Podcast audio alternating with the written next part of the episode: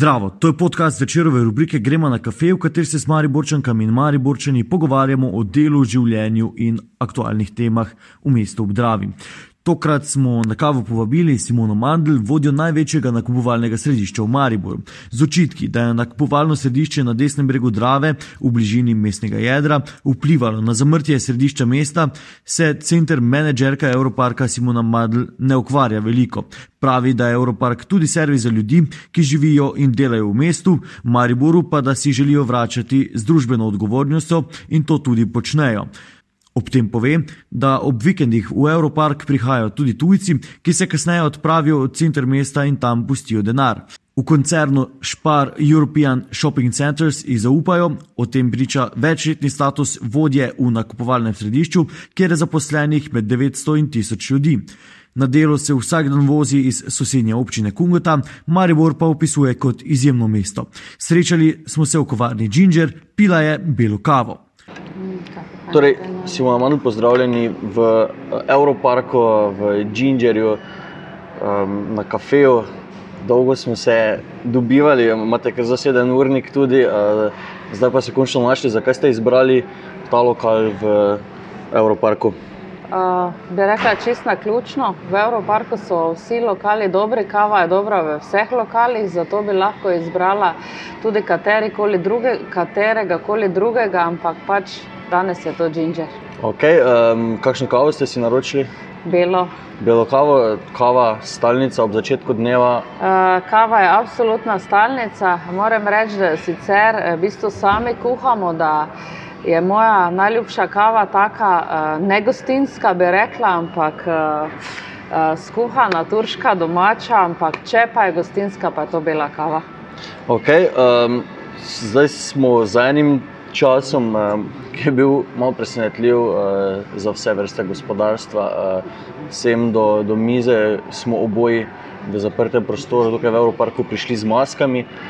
Um, to je samo ena stvar, ki jo zdaj vidimo, posledica te epidemije, ki je že bila prekinjena. Uh, Kako ste vi vse skupaj doživljali zadnja dva meseca, kaj se je dogajalo tukaj v vaših prostorih, vseeno vodite kar ve, veliko stvar tu v Mariboru? Ja, moram reči, da so zadnji meseci izjemno pestri da uh, smo se v bistvu soočili z to ugasnitvijo praktično poslovanja. Vsej v dobršni meri smo skozi poslovali, seveda, živilskimi trgovinami in tistimi, ki so smele poslovati, ampak vseeno je, bilo, je bil to, bi rekla, velik pretres. Z, uh, poslovnega vidika, pa ne na zadnje tudi z osebnega. Jaz vseeno živim za Evropark že več kot 17 let in uh, se te to tudi emocionalno dotakne, da v bistvu se sprehodiš po ulicah, da je vse mirno, tiho, uh, uh, temno in podobno. Tako da um, smo se potem bi rekla, z dneva v dan prilagajali vsem smernicam, ki nam jih je predpisal Inštitut za javno zdravje, spremljali seveda aktivnosti, spremljali razvoj gibanja epidemije, obveščali naše poslovne partnerje, obiskovalce, predvsem pa je bila glavna skrb usmerjena v to, da bodo vsi tisti, ki so te dni prihajali v našo hišo in ki prihajajo tudi zdaj pri nas maksimalno varni. Da bomo naredili ne samo to, kar nam je nekdo predpisal ali pa priporočal, ampak da bomo temu dodali še neko svojo noto, jo nadgradili in verjeli v to, da bojo stranke to opazile eh, in to nagradile s tem, da se seveda eh, vračajo. Zdaj, prvi dan, ko je bilo ponovno vse odprto, smo zasedili nekaj podatke, da bi se najdel nekaj ure srednjega, obrnil že, že kot neki poprečen dan potrošnje v Evropi, to, to res lahko to, to potrdite? To, to ne bi mogla potrditi, okay. ker niti mi tega podatka nimamo. Uh, prvi dan uh, obisk je bil obisk čist običajnega ponedeljka, uh -huh. uh, nič ni odstopal od običajnih uh, ponedeljkov v preteklosti. Kar se pa tiče finančnega aspekta tega obiska, pa uh, še nimamo podatkov. Tako da uh, ne bi pa rekla, da bo hudo, hudo odstopajoč. Okay. Bi lahko rekli, da, da se je tudi tu videlo, da ne vem, v Mariboru nekatere stvari dobro laufajo, ne, tako tudi rečemo za Evropark, eh, da, da, da so tudi veliki ranljivi v takih ne, nepredvidljivih zadevah. Vsi smo ranljivi. Ja. Ja, in morda si iz izkušnji iz preteklosti ne bi mislili, kako zelo smo lahko ranljivi. Um, so že mogoče ti, um, ki so trgovci, lastniki lokalov, so vas že kaj obveščali o vem, težavah finančnih zaradi te dvomesečne izgube? Ja, vsekakor mi smo skozi od prvega dne, seveda v, v kontaktu z njimi, spremljamo njihove težave, vse na vse zadnje njihove težave so naše težave, tudi naše težave. In, um, se trudimo v smeri najboljšega uh, razvoja odprave teh težav. Okay, um, za Evropark je že 20 let, pravite mi pri številki, v Mariboru ima pomembno vlogo v mestu, kako vi vidite Evropark v tem mestu, kakšno vlogo ima? Ja, vsekakor pomembno vlogo. Ne samo to, da je prirastel k srcu Mariborčanom, ima pomembno vlogo tudi z gospodarskega vidika. Je eden izmed največjih zaposlovalcev v mestu, je tisti, ki je pripeljal v ta del mesta in izgradil določeno infrastrukturo, ki jo prebivalci in pa tisti, ki mesto zgolj obiščajo z vidika potrebe po delovnem mestu oziroma z vidika samo upravljanja neki, oziroma uh, nekih opravkov, če se lahko tako izrazim, ali pa ne vem, iskanja zdravstvenih storitev in podobnega. Uh, to infrastrukturo, ki smo jo zgradili, seveda koristijo brezplačno kot nek servis. Ne? Ne na zadnje so tu dovozi, parkirišča in podobno. Um, pa... uh. Potem pa je seveda Evropark eh, predstavlja uh, uh, tudi uh, seveda sam, sam gospodarski aspekt, to se pravi, tu se uh, zvrši precej posla, če lahko tako rečem. Posledično temu so davki, prihodki države in mesta. Uh, Potem, če greva dalje, je Evropark v vseh letih obstoja eh, močno podpiral lokalno okolje, bi rekla, od eh, razno raznih društev, eh, klubov, prireditev, sponzorstev, ki smo jih namenjali. So določene prireditve, seveda, ki so pomembne za mesto Maribor in jih sponzoriramo že od prvega leta poslovanja, tako kot je vem, Zlata Lesica, Festival Lent, pa še številne druge večje prireditve, ki tudi širše eh, ponesejo, bi rekla, to, eh, to ime Maribora v svet. Eh, potem eh, so pa nam v naše poslovne strategije gledano pomembni tudi tisti manjši, ki jih ponavadi, eh, bi rekla, ki so ponavadi bolj ali pa manj slišani. To so manjša društva, to so posamezniki, to so predvsem humanitarna društva in organizacije. In bi mi dva rabila zelo dosti časa, če bi želela vsaj polovico tega našteti, kar smo v, v teh letih počeli, z tega uh, družb, uh, družbeno koristnega vidika, če lahko tako rečem. Potem pa ja, ne na zadnje, Evropark tudi z, z svojimi prihodki ravna na način, da iz, izjemno velik odstotek jih uporabi za ponovne investicije. Eh, investicije se seveda dogajajo tu v Mariboru in eh, v to so vpeta lokalna podjetja. Okay, um, v bistvu ste mi že odgovorili deloma na vprašanje, eh, ki, ki se nam je zdelo kar pomembno. V bistvu se vas skozi dotikajo očitki, da je Evropark ukradel v življenju v središču mesta. Um, zdaj imate priložnost, da demantirate. To pa nekaj ste že povedali, ampak kako vi gledate na te očitke? Ne, no? ne bi se želela čisto predeljevati glede očitkov. Uh, mislim pa, da odločitev, da je Evropark tu v preteklosti, ni morala biti tako napačna. Vse ne na zadnje, tudi sedaj se je z vidika prostorskega načrtovanja omogočilo, da se kapacitete nakupovalne zraven Evroparka širijo. Tako da uh, je najbrž bila ta odločitev že prava. Hkrati ja, ste pa govorili o infrastrukturi, da se ljudi tu pusti avto, pa se odpravi v središče mesta. Tako, uh, ja, lahko bi o tem razglabljali.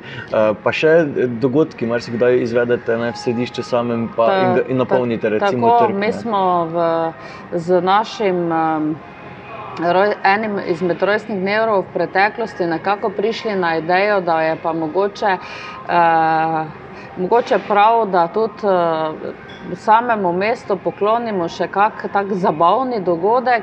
In smo začeli z temi koncerti, ki jih je bilo kar nekaj, sedaj v mestnem jedru so bili vsi zelo dobro obiskani in pozitivno, pozitivno sprejeti. Tako da um, Vse ne na zadnje pa je prav, Evropark uh, uh, živi tesno z Mariborom in uh, ne samo, da mora, želi si tudi Mariboro vračati. Um, koliko ljudi dela tukaj? Um. Ja, mi zaposlujemo tam med uh, 950 in 1000 ljudmi. Um, kam se vi odpravite na poslovno kosilo, če ne izberete Evroparka za to, kam greste v Mariboru? Uh, ja, v centru je kar nekaj lokacij, mogoče zdaj ne bi želela jih vseh naštevati, ampak kar nekaj lokacij Maribor ima, uh, bi rekla, dosti dobrih gostiln. Ti pa izberite eno, ker ste bili na zadnji, samo, samo da vem. Uh, ja, to je Nana, recimo. Okay. Um, imate pač odkot, zdaj ljudje si težko predstavljajo, ki imate pisarno, um, vejo, ki so prostori uprave, kam gleda vaša pisarna. Na nakupovalno ulico. Aha. Tja, kjer so kupci, uh, ker v bistvu si. Uh, najbolj želim videti, eh, seveda, eh, gibanje kupcev, oziroma nekako tudi eh, spremljati same odzive kupcev in že skozi okno jih lahko. Ste še doma v, okolici Maribora? Ja, še, še vedno. Kako je to se voziti vsak dan v Maribor? Čeprav je Maribor izjemno lepo mesto, ampak jaz sem človek podeželja in tega ne bi zamenjala. Kakšne so kaj vaše želje za Maribor, um, glede na to, da ste pač kar odvisni tudi od samega stanja duha v mestu? Uh, mislim, ne vi, ampak dogajanje ja, tukaj. Definitivno je. Uh, samo stanje duha, tako kot ste omenili, nekako potem generira tudi poslovno okolje. Uh, kaj si želim od, od Maribora, predvsem Mariboru, jaz želim, da ohrani to, kar bi rekla, po mojem mnenju, Maribor diferencira od marsikaterega drugega mesta, to je Maribor ima srce. Uh, in uh, naj to srce in to emocionalnost, seveda, tudi ohrani. Jaz bi rekla, da da, mogoče, da smo mogoče zaradi tega Mariborčani, ravno zaradi te emocionalne note, malo bolj impulzivni. Ne? In če tako gledamo, ponavadi vsi impulzivnost nekako povezujejo z neko bolj. Um, negativno noto ali pa z neko nepremišljeno, z neko hitro reakcijo. Jaz bi rekla, da je pa to lahko izjemno pozitivno, da je to lahko naša prednost, ker sodobno poslovno okolje terja hitre, hitra prilagajanja, hitre reakcije. E, tudi ne na zadnje, zdaj smo videli, ko gre za neko nujno situacijo, kot je bila epidemija. Tudi tako, taka situacija terja hitre reakcije. Verjamem, da če so hitre reakcije, so kdaj lahko tudi napačne, ampak po, po bitki smo lahko vsi generali, eh, ampak definitivno se iz tega nekaj naučimo. Mislim, da je to prednost Maribora in to, eh, emocionalnost, seveda, ki jo vpletamo tudi v posel. Želim, da Maribor ohrani, Maribor želim, da si čim bolj gospodarsko opomore oziroma če smo čist natančni, da se stabilizira gospodarsko, da si opomore gospodarstvo tudi ne na zadnje od korona krize, da se vse veje gospodarstva rehabilitirajo, tudi turizem, ki mislim, da bo največ časa potreboval, da se bi rekla, vrne v stare tirnice in še kaj nadgradi. Um, ja, uh, in s tem, uh, ko bi rekla, s, to, s tem dvigom gospodarstva oziroma z boljšo situacijo bo Maribor tudi manj odvisen od, od, ostalega, od ostale regije, čeprav vemo vsi, da neodvisnosti v času globalizacije ni, da smo vsi soodvisni. V tem oziru pa želim Mariboru, da najde tiste prave pristope in poti, da stkuje ene, da ene dobre vezi z tistimi, ki jih z poslovnega vidika v bistvu potrebuje in s katerimi mora ostati soodvisni.